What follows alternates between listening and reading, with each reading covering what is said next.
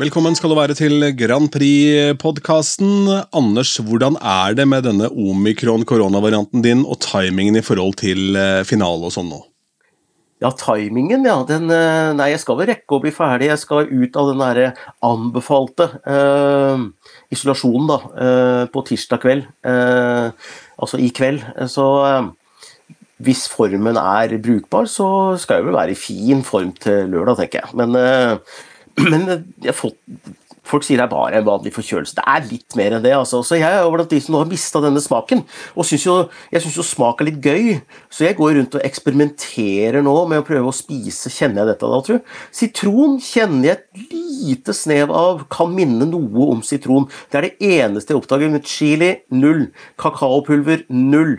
Ingenting. Potetmel null. Altså det er eh, null respons på noe som helst, unntatt sitron. Mm.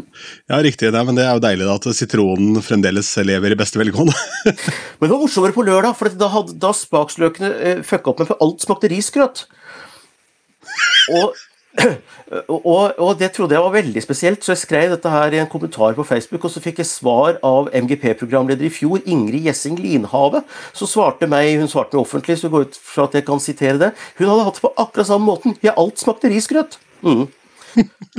Nei, Det var en ukjent eh, fenomen for meg. Jeg beholdte mine smaksløker eh, hele veien igjennom eh, omikron-sykdom. og så hadde jeg da han som tilbød seg å stikke og handle for meg. Jeg tenkte at nå skal jeg være smart, spare penger, så jeg ba han kjøpe bare oppskåret brød som jeg kunne ha i fryseren. Bare ta på et par skiver, bare for å, det skulle bare være bensin. Men jeg hadde jo smaksløkene hele veien, så etter fire dager da, med eh, brødskive med gulost og kokt skinke, så ble jeg litt, ble litt stusslig.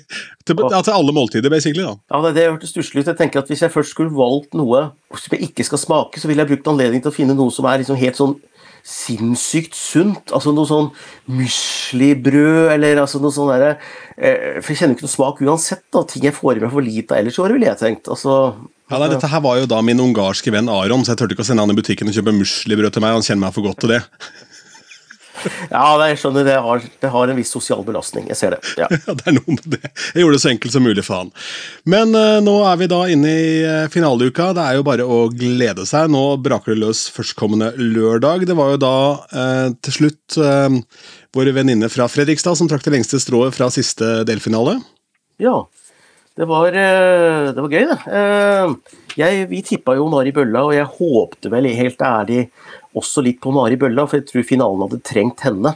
Men eh, Maria Moen leverte jo bedre denne gangen enn forrige gang, og eh, vil jo dette så mye. Og eh, det er en låt som jeg ser uh, treffer, i hvert fall hos en del sånne som lager react to-videoer. Nå er jo de i fåtall, da, men hvis man skal stole på dem, så er det mange som lar seg berøre av låta hennes. Da. Så det kan være riktig. Og hun får jo nå en enorm bølge inn mot finalen, da, med to lørdager på rad pluss nå finalen, så kanskje hun har et momentum. Ja, Er det der noe som kan være offer for kritikk i etterkant, hvis det på en måte går hele veien, tro? Fordi det er jo poeng. Ja, det er jo et godt spørsmål, eh, men det er jo alltid noe som kan kritiseres i forhold til når det er en rekkefølge på ting. ikke sant? Altså, Hvis du skal ha delfinaler, så må jo noen være med i første delfinale. Og du kan også si at Annalise Kumoji har jo fått liten tid til å vise fram låta si, uh, som plutselig nå bare kom Queen Bees.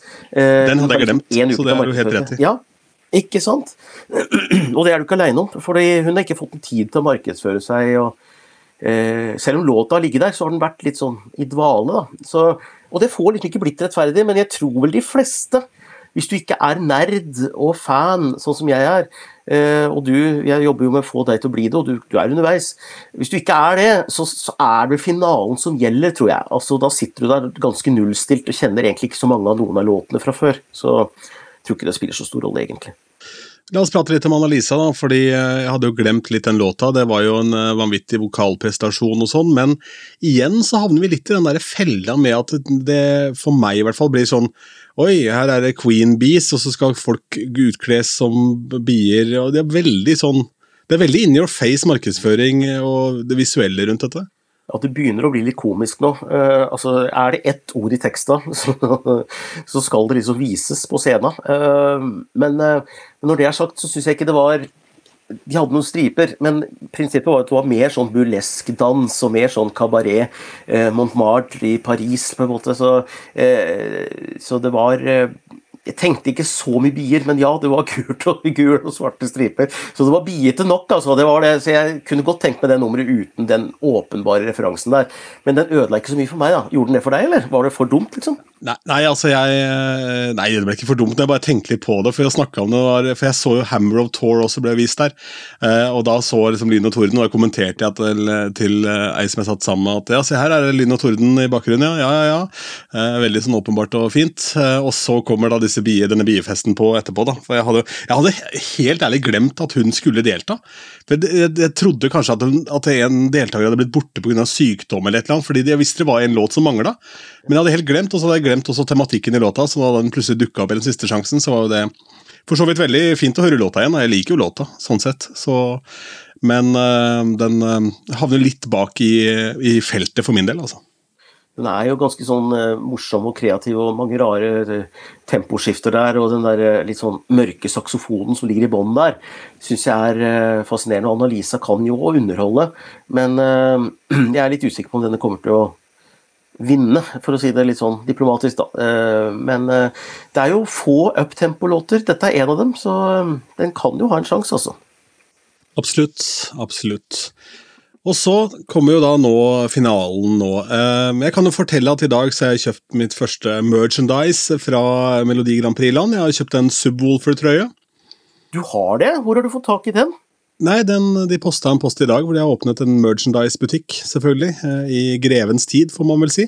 Så ja. De selger da både T-skjorter og hettegensere litt sånn forskjellig. Jeg kjøpte en T-skjorte da med eh, You Can Call Me Keith på, på ryggen. En sånn variant.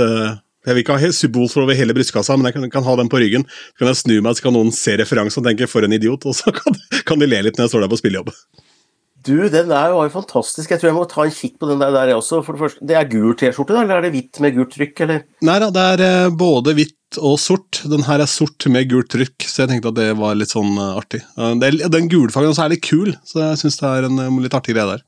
Ja, Den er ikke diskutabel, i hvert fall. Den er gul. Mm, ja, det er påske.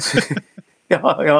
Når du ser de gutta kommer ut, det er liksom ikke noe sånn ja, Er det litt sånn oransjeaktig, eller er det gult? Nei, det er gult. Ferdig snakka. Ja. Det er gult, ja. Utrolig gule, ja.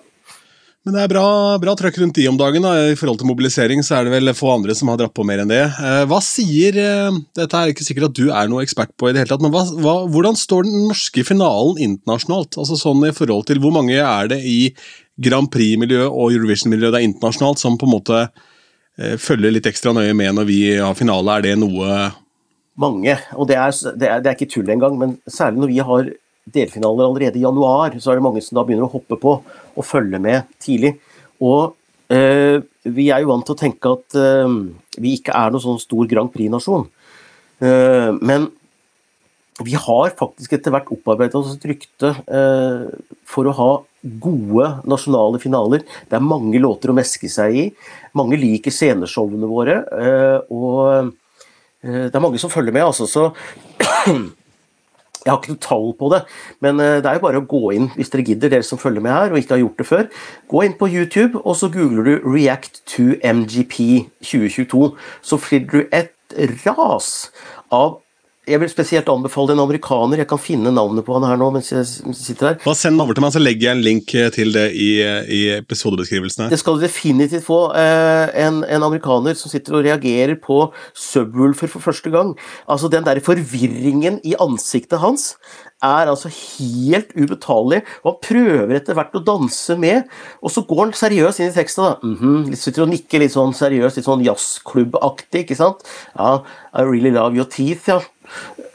Keith, teeth og så begynner alt, alt bare rakner for han. ikke sant? Så Til slutt gir han bare opp og bare blir med på dansen og sier 'jeg bare elsker det'. ikke sant? Og, og, og Han ble subwooft i løpet av den tida der. Mm. Hva kan vi si om, apropos amerikanere, det der American Song Contest-opplegget? Har vi fått noen mer nyheter om det? Altså, de skulle jo på med en konkurranse. altså hva, eh, ja. Dette her vil jo det bli en sidegreie uansett, for de blir jo ikke med i Eurovision på noe vis, eh, vil jeg tro? eller? Hva tenker Nei, jeg, jeg, håper vel egentlig ikke det. Eh, sånn sett, Vi kan lage en World Eurovision i så fall, så kan USA stille med vinneren sin, og så Europa med sin, så blir det en slags sånn, sånn verdensdelsfinale. Det kunne vært kult. Men, eh, men nei, det, det, blir jo sendinger, da, i hvert fall på svensk TV. Har bestemt at de skal sende da dette starter, jeg tror det var i midten av mars en gang. Eh, da setter de i gang, og det har begynt å sende reklame for det på YouTube og sånn. Så hvis du ser på US eh, Song Contest, så er det jo veldig amerikansk, da, eh, det hele. Men så ser du noen elementer som minner litt om Eurovision, med scena og flaggene. Det er, det er, det er litt gøy, og så kjenner jeg at jeg blir litt redd, da. Fordi at jeg ser jo delvis på alt som er amerikansk, og alt USA tar i, er som en sånn sentrifuge som bare suger alt rundt seg til seg, og så tromler de det til alt ligner på det amerikanske flagget. Så jeg er livredd for at de, selv om det bor langt færre i USA enn de gjør i Europa, at de skal komme og ta over hele konseptet og bli større. Da. Jeg er jo livredd for det. sant? Så, eh, da, da, er de avhengig av å måtte, på en måte få en superhit med den første låta som vinner. for Ellers ender det opp som, som World Idol, hvor Kurt vant over Kelly Clarkson. Det skulle jo overhodet ikke skje, det sto ikke i boka. Eh, og da ble bare dritten lagt ned. det kan skje igjen. Ja. Men de får en amerikansk vinner nå, da, i hvert fall. Det må de jo få, for det er jo kun amerikanske stater som skal konkurrere ja. mot hverandre. Men den låta må på en måte være såpass god at den blir en global hit, da, ikke sant? for at de da skal kunne slå seg på brystet og se hva vi fikk til på første forsøk. Jeg tror dette er litt inspirert av Måneskin, faktisk, som da har klart å få fotfeste i USA. Ja, det tror jeg også. Også, også Litt tullete parentes, kanskje, men, men, alt blir jo politisert i USA. så Går du med munnbind, så stemmer du Biden, og går du uten munnbind, så stemmer du Trump. liksom Det er tullete. Men eh, så tenker jeg liksom Hvor lang tid går det før det går politikk i US Song Contest? Det blir gøy. Uh, Cirka et kvarter, vel? kvarters tid så er det identitetspolitikk der, og et eller annet, så er det i gang. Mm. Ja, det er det i gang. Det er amerikanisert, hele pakka. Ehm, men ja, det er som du sier, det er en maskin der. Hva Rekkefølgen har jo nå dukka opp. Hva tenker vi om eh, den? Eh, og hvor mye betyr rekkefølgen i forhold til om du kan gjøre det bra i Eurovision eller Melodi Grand Prix eller ikke? Det er eh, veldig diskutert, det der, hvor mye det har å si. For det ender veldig ofte opp med en sånn høna eller egget-diskusjon. Min teori er at eh, grunnen til at langt de fleste vinnerne i MGP og Eurovision har eh, I hvert fall i MGP, i hvert fall i MGP, jeg skal ta et lite forbehold med Eurovision, eh, så har de fra start nummer seks-sju nedover vunnet gjennomgående. Eh, og grunnen til det er jo at når du setter opp en lineup for MGP, så tenker du jo som en festivalarrangør. Du tar jo de mest antatt spennende tinga mot slutten. Eh, og så er det da sånn Ja, vinner de som har et seint startnummer fordi de har et seint startnummer? Eller har de fått et seint startnummer fordi de er favoritter? Jeg tror det siste. Altså Det er rett og slett at du plasserer de mest interessante låtene, de som flest har tro på mot slutten. Ergo får du flest vinnere fra de seine startnumrene. Uh, startnummer én er, er, et lite unntak. Der har vi noen eksempler på at du har vunnet fra startnummer én, for den er lett å huske. Ja, den første. Du kan si liksom Ja, det var den første. Det var den første, ikke sant. Så startnummer to og tre går for å være sånn forbannelsesnummer. Eh, veldig sjelden at de vinner. Og der ligger dessverre Northkid. Ja, Northkid, uh, Annalisa er der, uh, Farida eh, også, ja. Der jeg så da denne recapen nå sammen med en venninne, og hun sa det at hennes far syntes den låta var helt ufordragelig, for altfor lik alt for lik Bond-låta til Adele. Så sa jeg ja, men det er greit, men det er nå, det er nå en gang Hvilken sånn låt var det, sa du? Ronny? Det var Farida sin. Farida sin, Dangerous, mm. Ja, nei, det er jo det. Det er jo litt i, eh, litt i det landskapet der, selvfølgelig, men eh, låt var det Adele sin uh, Bond-låt? Det var den hun gjorde til Bond, vet du. Den til Bond, ja. het ja. uh, Skyfall. Ja, nettopp. Ja. ja, ikke sant. Jeg liker jo Jeg syns det er gøy å leke meg litt med ting ligner, og så irriterer det meg at jeg liker det, fordi at jeg ender opp da med å ikke like låta til slutt, for jeg syns det ligner for mye. Men jeg klarer ikke å la være, så nå må jeg sjekke det. Jeg har ikke tenkt over det, men det skal jeg sjekke. Nei, nei. Eh, men mot slutta så har vi da Maria Moen. Det får jo være, hvis, vi, hvis, de tenker sånn som du sier, da, som en eh, festival her, så får vi jo da gi kudos til Maria Moen, som da ender opp på åttende startposisjon, rett før Subwoolfer og Elsie Bay, som da avslutter det hele. Det hadde vært hardt å avslutte med Subwoolfer, det har vært mye. Så jeg skjønner det at det trenger, trenger en liten pute på slutta, som ikke bare er kaos. det tror jeg også, også. Men jeg tror eh, Mandy, Mandy Pettersen, som er styreleder i ESC Norge, vi hadde en livestream i kveld, og hun hadde et godt poeng, syns jeg. Og det var at når de har plassert Maria Moen så seint, så tyder det på at hun har hatt ganske kraftig støtte og ganske stor margin på seertallene. Eller jeg mener på stemmetallene i serien. Ja, nettopp, ja. Mm. At det kan tyde på det, faktisk. Vi var jo innom da min eh, gamle venn der også, eh, Einar. eh, Og han er i aller høyeste grad med å slå på tromme med smink i trynet. Så det var nesten ugjenkjennelig. Men han er en vakker mann i utgangspunktet, men enda vakrere nå når han har blitt sminka. Så Veldig bra, Ronny. Eh, og du, takk for tipset om bandet Kelner. Var det ikke han som spilte i det bandet, sa du? jo, han kom inn nok litt sent i prosessen der, men eh, ja, han eh, Men de første skivene til bandet Kelner er jo virkelig, virkelig gode, altså. Ja, veldig gode, og jeg eh, fant en singel der eh, på Spotify i dag som eh, tenkte at det, det, det, denne låta mangler i årets Eurovision. Hadde den vært med, eller i årets MGP, hadde den vært med, så hadde den vunnet, liksom. Jeg syns at det var helt fabelaktig poppete, og det var driv i det. Og tenkte at eh, hvis ikke Stig Karlsen er klar over Kelner, så må han i hvert fall bli det veldig snart. Eh, tenker jeg. Så eh, nei, det, det var takk for tipset. Altså, det er en låt som heter Nippen. Nippen. Fra, Ja, riktig. Stemmer. som jeg fikk veldig fot på, altså. Det må jeg si. Den er jo strømma 314 000 ganger, så, men så er det et hopp De har et publikum i utlandet. Det De har det, ja. Det er, en, eh, det er en fyr som heter Arne Aronsen, som er en impresario fra opprinnelig Drammen, tror jeg, men bor nede i Østfold-regionen, som jobba med det bandet her, skjønner du, som eh, har booka meg til en del spillejobber også. Som er en veldig sånn rutinert, dyktig fyr. Og han, han eh, maser ikke på meg om noe dritt, sånn så når han sendte meg det for noen år siden, eh, så syns jeg det var forfriskende å høre. Eh, Jeg glemte Nei. jo for øvrig en låt, apropos spillejobber. Jeg glemte jo, jeg var jo selvfølgelig innom din eh, store Altså din, ditt viktigste verktøykassa også, og. Det var jo, jeg var jo selvfølgelig og spilte O oh, Just a Little Bit var jo selvfølgelig med i repertoaret fra forrige, forrige helgs spillejobber. Ja, det var det, altså bra. Ja, da, da Ja, er du redda. aldeles. Ja, ja. Aldeles nydelig opptempo-variant her, så det er eh, god stemning. Ellers må jeg også fortelle at eh, vi kan jo få nye musikalske eh, oppvåkninger også gjennom Eurovision.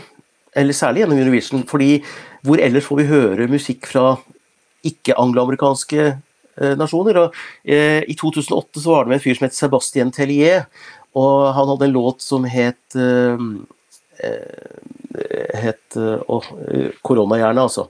Eh, Divine. Eh, vakte mye furore fordi han sang på engelsk, det skulle ikke en franskmann gjøre. Men han hadde et helt psykedelisk show, øh, og veldig bra med noen skjeggete korister, og det var kjemperart alt sammen. Lenge før øh, Lenge før Det var damer, altså. Damer med skjegg. Lenge før Conchita Wurst. Og han er en sånn elektronika-kredibel artist som har spilt noen konserter på Blå i Oslo og sånt nå. Han har kommet med et nytt album nå som heter Symfoni, og jeg digger det albumet. Det er så lekkert, og det er så nydelig. Så jeg har nå hatt en, liksom et 14 års musikalsk forhold til Sebastian Tellier, en undergrunns øh, elektronikamusiker som kom på 17.-plass, tror jeg det var, i Eurovision i 2008. Så han var på feil scene i Eurovision, men eh, definitivt Ja. riktig scene innenfor elektronika. Ja. Ja. Ja, veldig tøft, altså. Divine med Sebastian Tellier, sjekk det ut. For den som ikke har Apropos riktig scene, må jeg si gratulerer med en eh, hel ny skokk inn i din boble etter din opptreden på NRK. Det var jo, Du kom hjem til hvor mange var det? 200 nye medlemmer? 300! 340 nye kom i løpet av kvelden. Jeg skjønte ingenting, eh, for vi har en sånn Bobla, Tangens Grand Prix-boble, vi modererer ganske hardt. Og det er eh, noe av hemmeligheten, tror jeg, fordi vi vil at det skal være hyggelig der. Så ja, ok, så blir det litt tvangskos. Det blir litt sånn Her skal vi ha det hyggelig, for pokker! Eh, noen syns det er litt latterlig, noen, noen latterliggjør det litt, men jeg tenker at hvis du drar det helt ekstremt ut i den enden, så eh, kommer jo folk aldri helt i mål med det og bare være hyggelig. Men når de vet at det er målet, så skjerper man seg litt, og da blir det et hyggelig sted å være omtrent på midten. Så eh, vi har en moderatorgruppe. Eh, og da jeg kom ut av det studio, så så jeg det kokte mer i moderatorgreiene det gjorde egentlig i bobla. For de lurte på hvordan skal vi håndtere alle disse forespørslene. For vi slipper jo ikke inn alle, vet du. Eh, fordi de må svare på noen spørsmål, og vi må vite at de faktisk mener dette her. Men vi fant ut at resonnementet var Vet du hva, de har sittet på en mandag kveld og sett en sending og respondert på en bisetning fra Anders Tangen. Slipp dem inn. Altså, da er du dedikert nok. Så de kom inn. Ja, og der er det jo også en del folk i produksjonen, annet han som har ansvar for lys her der inne, og deler flittig fra kulissene og sånn. Det er utrolig gøy å se, altså. Ja, veldig gøy. Han, jeg tror han er lysdesigner, men han er ansvarlig for det tekniske rundt det. Så han var åpen for spørsmål, så jeg spurte om dette, hvorfor de får så lite lys i ansiktet, og han svarte diplomatisk 'jeg skjønner hva du mener'. jeg, jeg, jeg, hører hva du sier, men jeg skjønner ikke hva du mener, var det han mente. ja, ja, ja. det skal vel være sånn, det skal være litt mystisk, Anders? Være litt mystisk, ja. Så var det noen som sa at eh, ja, men de får det til på Melodifestivalen. Nei, men det har med det har med innstillingen din på TV å gjøre, var noen som har fått svar fra NRK. Eh, jo, men de så jo på Melodifestivalen, og på akkurat samme skjermen, vi zappa mellom. Ok, nei, da visste de ikke helt. Nei, men det er vel, eh, ser vel litt lysere på livet i Sverige, da? Nei, og så tenker jeg det er vel et sånt over, overordna valg som store profesjonelle TV-kanaler gjør i forhold til hvor de vil ligge igjen, både i fargepaletter og hva skal være deres visuelle uttrykk. Så det kan være at de, de ønsker å være litt, litt mørkere, da. Det kan godt være at det er et strategisk valg på et eller annet nivå. Jeg vet ikke. Ja, nei, Jeg har ikke peiling, jeg har ikke tenkt så nøye på det, men nå har ikke jeg satt meg mellom Melodifestivalen og NRKs uh, Melodi Grand Prix heller, da, for så vidt. Denne uka så er det jo masse kok. La oss håpe at uh, du slipper unna sånn long covid, for det er utrolig slitsomt å gå og være trøtt i lang tid og tørrhost og sånne ting. Men Eh, det blir jo da masse kaos og, og, den type ting. Det kommer også litt bonusinnhold fra oss, for vi har jo bl.a. et eh, intervju med Frode Wassel. Det tenkte jeg skulle slippe på onsdagen, så da er det bare å følge med der. Da dukker det opp en bonusepisode hvor du har snakka med Frode eh, om eh, låta hans. Frode som da er Som vi snakket med deg om, den taktarten der, den rare taktarten på låta. Ja. Stemmer. Som da ikke ligner på noe særlig annet enn uh, denne Muse-låta. Uh, og som uh, ble prøvd jeg på en variant for å se hva, hvilke sanger som kunne mikses inn i den. og det er, I og med at den har en helt spesiell taktart, så er det svært få. ja. Og så har Annalisa Kumoji sagt ja til å stille opp på en podkast i løpet av uka, faktisk. Så jeg, vi legger den ut så fort den er klar. Mm. Ja, det er bare å rope ut, så skal jeg få hive det ut i maskineriet her. Og så tenker jeg at vi skal sende Anders tilbake til eh, det han holder på med, for eh, ja, det er Jeg feirer for... valentinerdagen i seng med omikron. Ja, og du, det liker jeg veldig godt også, i og med at du var innom tvangskos. altså Dette er jo dagen for tvangskos, valentindagen. altså Da må du strengt tatt legge ut. Hvis jeg får meg en kjæreste nå innen neste valentindag, så skal jeg eh, gå og kjøpe blomster til halv pris på den 15. februar. Gjør det. det. Da har du lagt uh, grunnlaget for et langt og ulykkelig ekteskap. Men i år så var det jo helt fucked, for i år så var det morsdag og så valentindag. Så hvis du da hadde barn med hun som også var din valentin, så kunne du ikke kjøpe blomster på mandagen, for da, var det, da hadde det visna for lenge siden. ja. Nei, jeg har uh, rett og slett uh, Vi, skippa, skippa valentinerdagen her i familien, men morsdagen ble feira i går. Det var koselig, det, altså. Så det får være sånn. Ja. sånn er det. Jeg hadde en uh, ekskjæreste som sa det at det viktige er jo ikke valentindagen, det er hverdagsøyeblikk med gullkant, og det syns jeg egentlig var ganske godt sagt. Du, jeg må fortelle en ting. Jeg har jo fått mitt helt geniale og det optimale MGP-kjøret som familiefar og MGP-fan. For uh, det åpnes en mulighet for at noen av oss fikk lov til å komme og se generalprøva klokka to ute på uh, arenaen der ute på Fornebu. Så jeg kommer til å invitere med meg min datter på sju år til å komme og se generalprøven ta bussen hjem, og så sitter jeg i sofaen og ser finalen hjemme. Eh, og hun kommer da til å være i seng. Så det For det, jeg har ikke billetter til finalen og koser meg like mye i sofaen. Men da får jeg det beste fra to verdener. Har sett det på prøve og sett finalen på TV. Det gleder jeg meg til. Det høres helt fantastisk ut, og det tyder på at det er noe god karma, selv om også omikron etter hvert fant deg. Ja, vi må jo regne med at jeg er frisk til at jeg kan møte opp der, da. Men eh, det er noen dager til. Herlig. Anders, takk for praten. Ny podkast dukker opp allerede i morgen. Da er det Frode Wassel som er gjest. Han starter som nummer seks på lørdag, så han er da i dette magiske sjiktet hvor man da kan ende opp med å ta det hvis man da ser litt historisk eh, på det. Vi krysser fingrene for alle som deltar eh, uansett, og håper at bestemann, kvinne, ulv eller hva det måtte være, stikker av med seieren.